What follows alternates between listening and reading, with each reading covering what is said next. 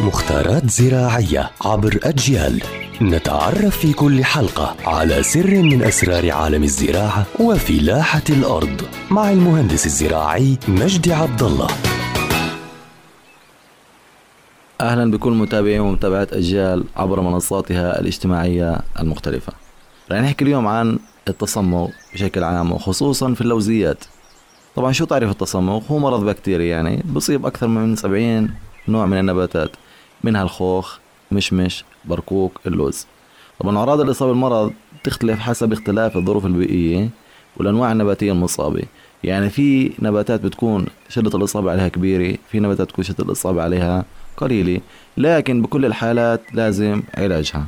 فشو أسباب هاي التصمغ؟ أولا الآفات الحشرية. بمعنى يعني الأشجار الضعيفة بتخلي الحشرات تتغذى عليها. بمعنى الحشرة لما تصيب الشجرة وتضعفها فالشجرة كرد فعل تفرز تصمغات عشان تحارب إنه ما تموت. نفس الإنسان لما يدخل لجسمه فيروس بترتفع حرارته عشان ما يموت. ثانيا الظروف المناخية. يعني تأثير المناخ من برودة خلال فصل الشتاء خلال فصل الربيع بتأثر على تشقق ساق الشجرة تشقق الفروع وبالتالي خروج الصمغ. وأيضا الأمراض البكتيرية والفيروسية. يعني الأمراض البكتيرية والحشرات والفيروسات هاي كلها بتشكل خطر على الأشجار. عشان نتجنب هاي المشاكل وعشان نحافظ على شجرة لوز خالي من التصمغات خالي من هاي الإصابات لازم نعتني فيها نعتني بالأرض من حيث نتخلص من الحشائش.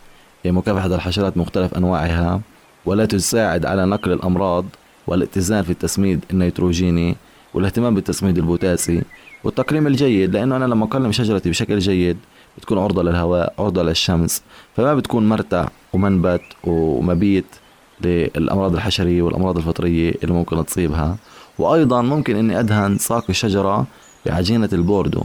هي الجبرالين مع الشير بدهنها وبكرر العملية كل سنة عشان أحافظ على شجرة قوية وشجرة متينة.